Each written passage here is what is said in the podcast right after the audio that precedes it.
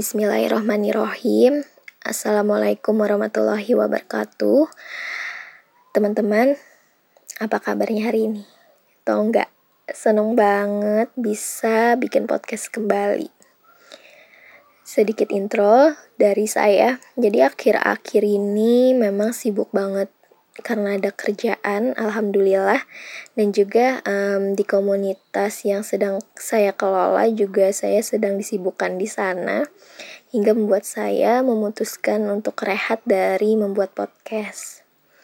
Uh, yang saya mau bahas ini adalah tentang IPK Kumlot. Jadi sebelumnya materi ini sudah pernah disampaikan di live Instagramnya Pejuang Perubahan beberapa waktu lalu. Alhamdulillah ada yang DM saya dan minta agar materinya disampaikan kembali. Maka dari itu saya buatlah podcast tentang materi kemarin. Biar Abdul kita perkenalan dulu deh. Jadi aku adalah Tia. Aku salah satu founder dari Pejuang Perubahan. Aku di divisi pendidikan. Jadi pejuang perubahan itu ada tiga divisi ada dakwah, sosial, dan pendidikan. Dan juga ada tim desain yang membuat IG Pejuang Perubahan menjadi lebih indah dari tangan-tangan kreatif mereka. Jadi founder Pejuang Perubahan itu terdiri dari berbagai daerah. Ada yang dari Sumatera, dari Jawa, dari Bali, Kalimantan, dan juga Sulawesi. Um, kalau kalian pengen tahu pejuang perubahan itu seperti apa, bisa cek IG-nya ya di @pejuang.perubahan. Sedikit promosi, oke. Okay. On back topik ya, back to topic. Kita uh, perlu tahu dulu IPK kumlot itu apa sih? Jadi kumlot itu artinya lulus dengan pujian. Yang mana ada beberapa kriteria sehingga dikatakan kumlot. Yang pertama, standar kriterianya dari 3,51 sampai 4,00. Terus yang kedua, gak ada mata kuliah yang diulang. Jadi maksudnya kayak gini. Misalnya kita mengambil mata kuliah sejarah. Ternyata nilai akhir kita dapat C. Nah, terus kita pengen ngulang di semester depan, ternyata nilai akhirnya menjadi A. Nah, ini gak bisa dikatakan kumlot, karena kita mengambil mata kuliah ini sebanyak dua kali, walaupun nilainya lebih bagus dari nilai sebelumnya. Terus juga lulus tepat waktu, biasanya 4 tahun, atau juga lulus cepat waktu bisa 3 tahun atau 3,5 tahun. Jadi, pengen dikatakan kumlot harus dapat tiga kriteria ini selama kuliah. Apa sih keuntungan dari IPK kumlot? Menjadi daya tarik ketika kita ingin melamar kerja nanti. Terus juga menjadi menjadi daya tarik um, ingin mendapatkan beasiswa atau ke jenjang yang lebih tinggi lagi ke S2 atau doktoral. Walaupun ya teman-teman gak semua tempat kerja itu mencari yang kumlot, tapi alangkah lebih baik kalau kita kumlot. Terus juga kemarin ada pertanyaan. Sebelum masuk kuliah aku pernah menargetkan IPK berapa. Jujur awal masuk kuliah itu nggak pernah menargetkan IPK berapa. Karena niatnya memang pengen menuntut ilmu. Bagi aku ya, uh, kuliah itu yang penting dapat ilmunya. Dapat skillnya apa. Apa yang bisa kita terapkan ke kehidupan kita. Itu yang paling penting dari kuliah. Percuma kita kuliah kalau setelah lulus kita nggak tahu ilmu kita apa, kita nggak tahu skill kita apa, dan kita nggak bisa menerapkannya ke kehidupan kita itu jangan sampai kayak gitulah percuma kuliah lama-lama tapi kita nggak tahu kita itu apa sebenarnya kita itu uh, apa yang kita dapat sebenarnya sama kuliah jangan sampai kayak gitu ya teman-teman jadi luruskan juga niat kita di kuliah itu kita pengennya apa sih kuliah ini? Apakah hanya ikut-ikutan teman? Apakah hanya karena gengsi doang? Apakah hanya karena ijazah? Jangan sampai kita um, niatnya nggak lurus saat kuliah. Karena ilmunya nanti nggak akan berkah ya teman-teman. Jadi usahakan niat itu karena Allah Ta'ala dulu. Insya Allah pasti uh, selama perjalanan kita di perkuliahan itu pasti akan ditolong oleh Allah. Pasti akan dipermudahkan oleh Allah. Karena ya, uh, kalau kita sudah punya tujuan, karena kalau kita sudah punya niat, apa pun itu pasti kita akan lebih maksimal dalam mencapai tujuan yang kita mau. Jadi tujuan itu penting buat aku. Dan juga ilmu serta skill yang kita terima di kuliah itu penting. Jangan sampai kita ketika kita lulus, kita nggak tahu apa yang kita dapatkan selama kuliah. Terus juga ada pertanyaan um, agenda belajar yang diterapin selama kuliah. Sebelum masuk ke agenda belajar aku, kita harus tahu kita itu tipikal uh, belajar yang seperti apa. Karena setiap orang itu tipe-tipe belajarnya berbeda-beda. Tidak bisa disamakan. Jadi ada yang uh, secara visual dia bisa mengerti, bisa memahami ketika dia membaca buku, ketika dia melihat video pembelajaran, atau melihat orang. Dengan melihat, dia sudah mengerti. Itu secara visual. Kemudian ada yang auditori. Auditori ini dengan mendengarkan ada teman sedang belajar dengan teman yang lain, dia mendengarkan, dia sudah bisa memahami, sudah bisa mengerti dengan ucap ucapan orang orang lain tadi. Nah, terus yang selanjutnya ada yang tipe kinestetik. Kinestetik ini harus dengan praktek baru dia mengerti. Terus ada yang menulis dengan bikin rangkuman, dengan membuat catatan-catatan, dia lebih paham, lebih ingat. Kemudian yang kelima dengan cara mengajar. Jadi dia harus mengajarkan dulu ke orang lain sehingga dia jauh lebih paham dari sebelumnya. Nah, inilah yang perlu kita pahami terhadap diri kita. Kita tipe yang mana dalam belajar sehingga kita mudah dalam belajar nanti, sehingga juga mudah meresap ke otak materi yang kita pelajari. Nah, kalau aku itu tipikal yang belajarnya harus dicicil. Terus juga tipe tipikal yang menulis dan mengajar dan gak bisa SKS. Biasanya aku itu dua minggu sebelum ujian, sebelum deadline tugas, itu sudah mulai mengumpulkan materi, sudah mulai belajar, sudah mulai mencicil. Jadi biasanya aku itu nulis, bikin rangkuman di kertas kecil, tapi bukan untuk di ini ya, bukan untuk contekan. Jadi aku tulis dan tidak textbook. Aku tulis itu sesuai dengan uh, pemahaman aku setelah aku tulis rangkumannya tadi aku tempel di lemari, ditempel di dinding kamar, bahkan ditempel di dinding kamar mandi dan di tempat-tempat yang biasanya sering aku uh, lewati di laptop mbak juga. Jadi ketika aku sedang duduk santai, ketika aku sedang tiduran, aku bisa merecall ingatan aku kembali um, melalui rangkuman-rangkuman yang aku sudah tempel tadi aku tipe belajar yang seperti itu. Dan juga aku biasanya uh, senang mengajarkan ke teman-teman. Jadi dengan mengajarkan itu jadi lebih paham. Jadi kalian jangan takut dengan kalian mengajarkan ke orang lain itu ilmu kalian akan berkurang. Itu salah besar. Itu malahan akan menambah um, ilmu kalian itu jadi lebih luas jadi lebih paham. Terus yang Berikutnya, tugas itu harus dikerjakan tepat waktu ya. Ini tips ya untuk IPK kumlot.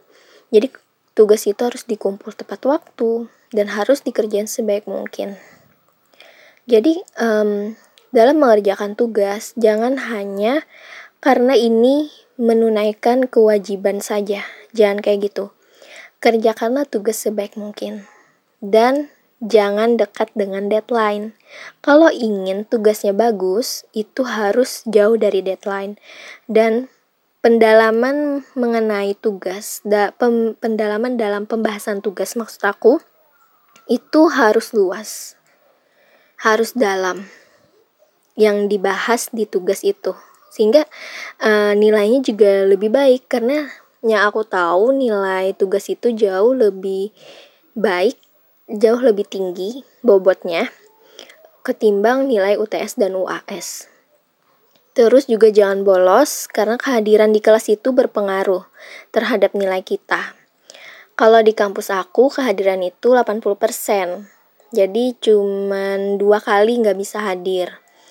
Nah, kalau kurang dari 80% biasanya itu akan mengurangi nilai kita. Walaupun nilai kita bagus, tetap berkurang.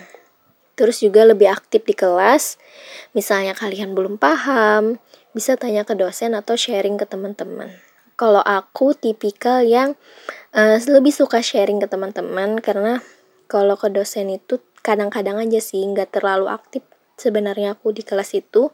Kalau aku nggak paham, kalau aku pengen nanya baru aku tanya ke dosen. Terus juga uh, menjelang ujian biasanya cari soal ke perpus, bisa tanya ke kakak tingkat.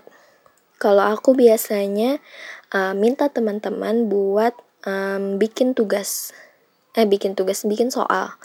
Jadi yang mereka bikin itu aku jawab. Kayak gitu.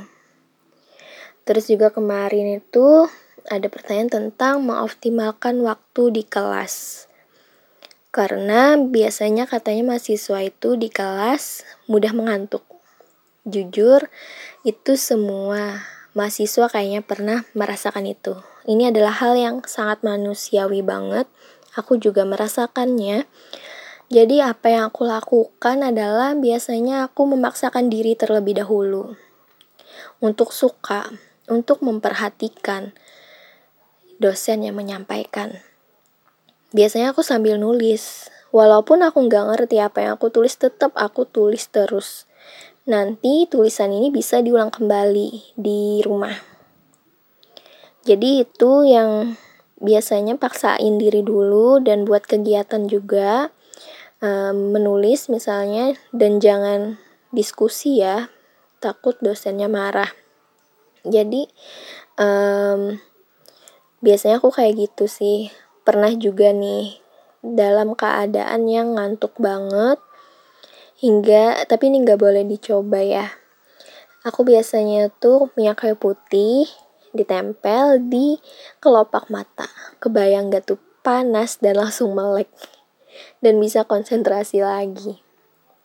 Sebenarnya apa sih yang membuat kita itu lebih cepat ngantuk? Itu sebenarnya adalah asupan dari yang kita konsumsi karena apa yang kita konsumsi itu berpengaruh terhadap fisik kita jadi kalau kita kebanyakan makan karbohidrat, kebanyakan makan yang manis-manis, yang mengandung gula tinggi, itu akan membuat tubuh kita cepat lemas, membuat kita loyo, membuat kita sulit berkonsentrasi, bahkan membuat kita ngantuk.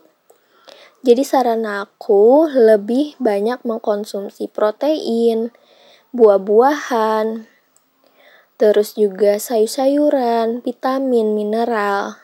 Itu penting banget buat uh, menjaga kita untuk berkonsentrasi. Apalagi kan anak kos tuh biasanya ya kan uh, lebih memilih yang murah dan yang penting kenyang tanpa memikirkan gizinya. Jangan sampai seperti itu ya teman-teman. Itu benar-benar berpengaruh banget terhadap konsentrasinya kita. Terus juga kemarin ada yang nanya cara menyeimbangkan kegiatan